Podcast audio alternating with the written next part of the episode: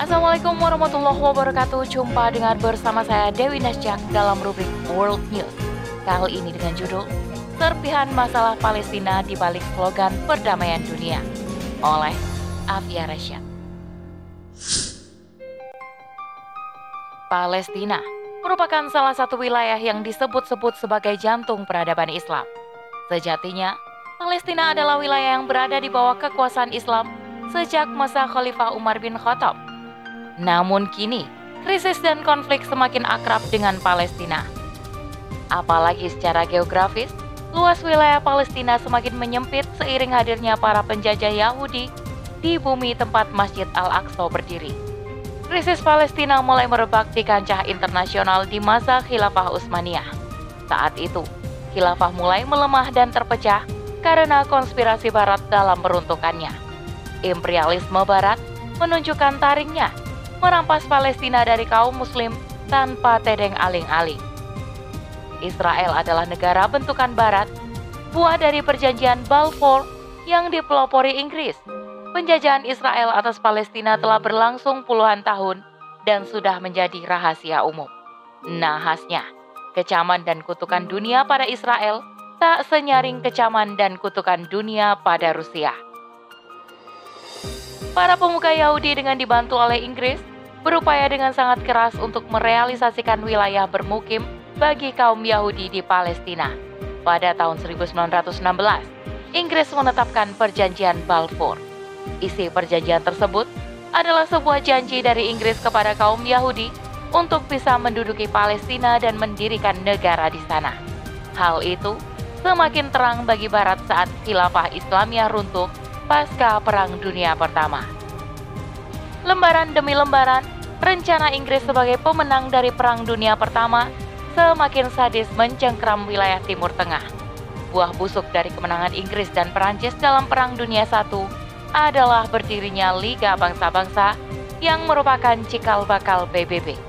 Syekh Taqiyuddin An-Nabani menjelaskan dalam kitab Mafahim Siasi bahwasannya Liga Bangsa-Bangsa ini menyusun mandat bagi dunia Arab yang dikuasai oleh Inggris atau Perancis. Dengan sistem mandat inilah, Inggris dan Prancis mendapatkan kontrol di Timur Tengah hingga berakhirnya Perang Dunia II yang melahirkan negara adidaya baru, yakni Amerika Serikat. Pasca Perang Dunia Kedua, PBB memutuskan pembagian daerah Palestina melalui resolusi yang dikeluarkan oleh Majelis Umum dengan nomor 181 pada 29 November 1947.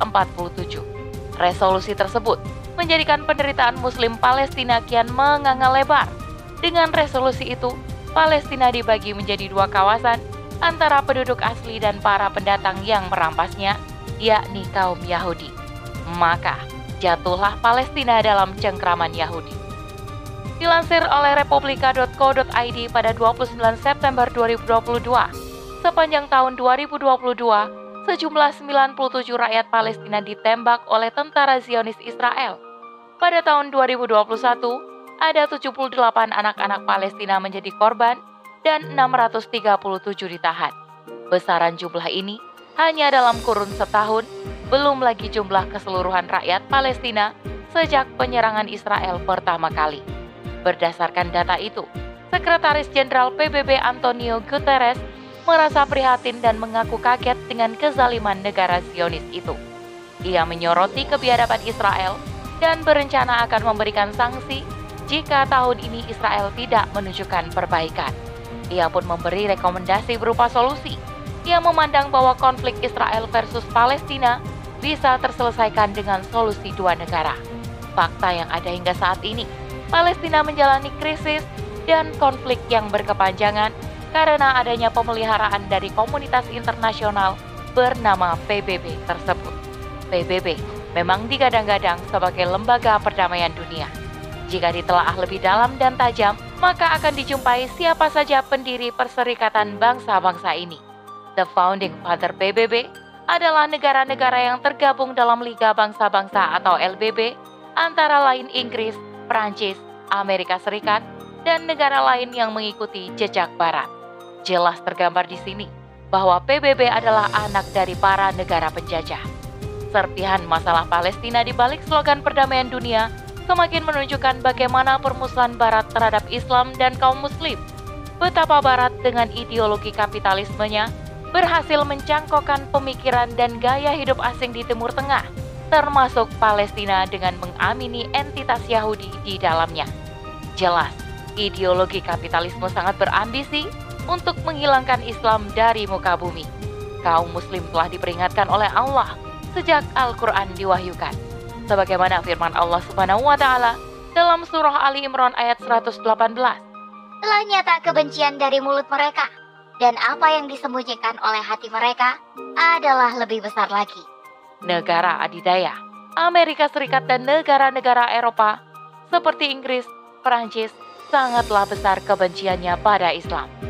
Bahkan, Allah menjelaskan lebih spesifik lagi bahwa mereka adalah Yahudi dan Nasrani yang tidak akan pernah rela hingga mereka berhasil mengajak kaum muslim ke dalam agama mereka. Allah taala berfirman dalam surah Al-Baqarah ayat 120.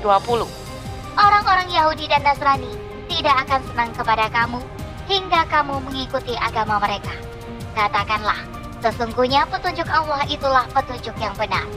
Dan sesungguhnya jika kamu mengikuti kemauan mereka setelah pengetahuan datang kepadamu, maka Allah tidak lagi menjadi pelindung dan penolong bagimu.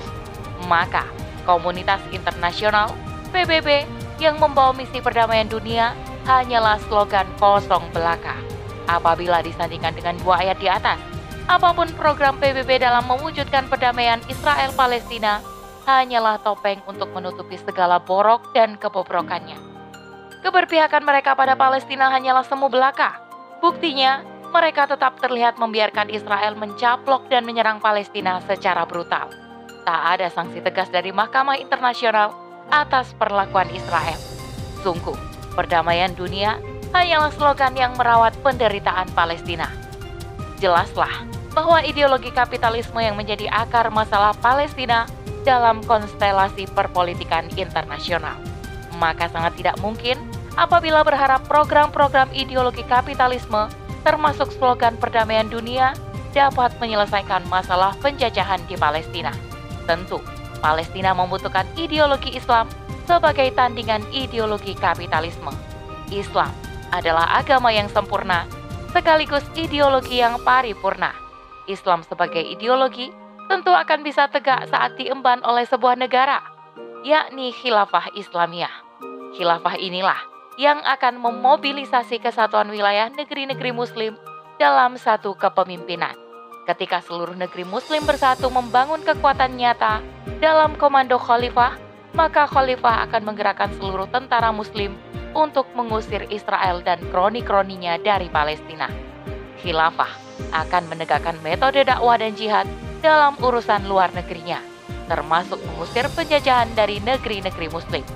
Namun, apa yang dilakukan Israel terhadap Palestina tidak bisa dihadapi dengan jalan diplomasi ataupun dialog. Maka, Khalifah akan mengusir Israel dengan memeranginya. Hal itu sesuai dengan firman Allah Subhanahu wa taala dalam kalam yang mulia, "Perangilah mereka. Niscaya Allah akan menghancurkan mereka dengan perantaraan tangan-tangan kalian, menghinakan mereka serta akan menolong kalian atas mereka sekaligus melegakan hati kaum mukmin." Quran Surah At-Taubah ayat 14. Keberadaan khilafah adalah perisai atau junah bagi kaum muslim. Khilafah menjamin keamanan dan keselamatan nyawa dan jiwa setiap individu rakyat, muslim ataupun non-muslim. Khilafah adalah tempat berlindung bagi rakyat dari berbagai kriminalitas, propaganda, konspirasi, maupun jebakan lainnya yang dibuat orang-orang kafir. Palestina dan negeri-negeri muslim yang lain di dunia ini butuh satu kepemimpinan di bawah naungan institusi khilafah. Dengan demikian, jelas solusi atas permasalahan di jantung Islam adalah tegaknya khilafah. Maka, memperjuangkan tegaknya khilafah menjadi sebuah keharusan bagi kaum muslim untuk menyingkirkan Israel dari Palestina dan menyingkirkan penjajahan barat di negeri-negeri muslim lainnya.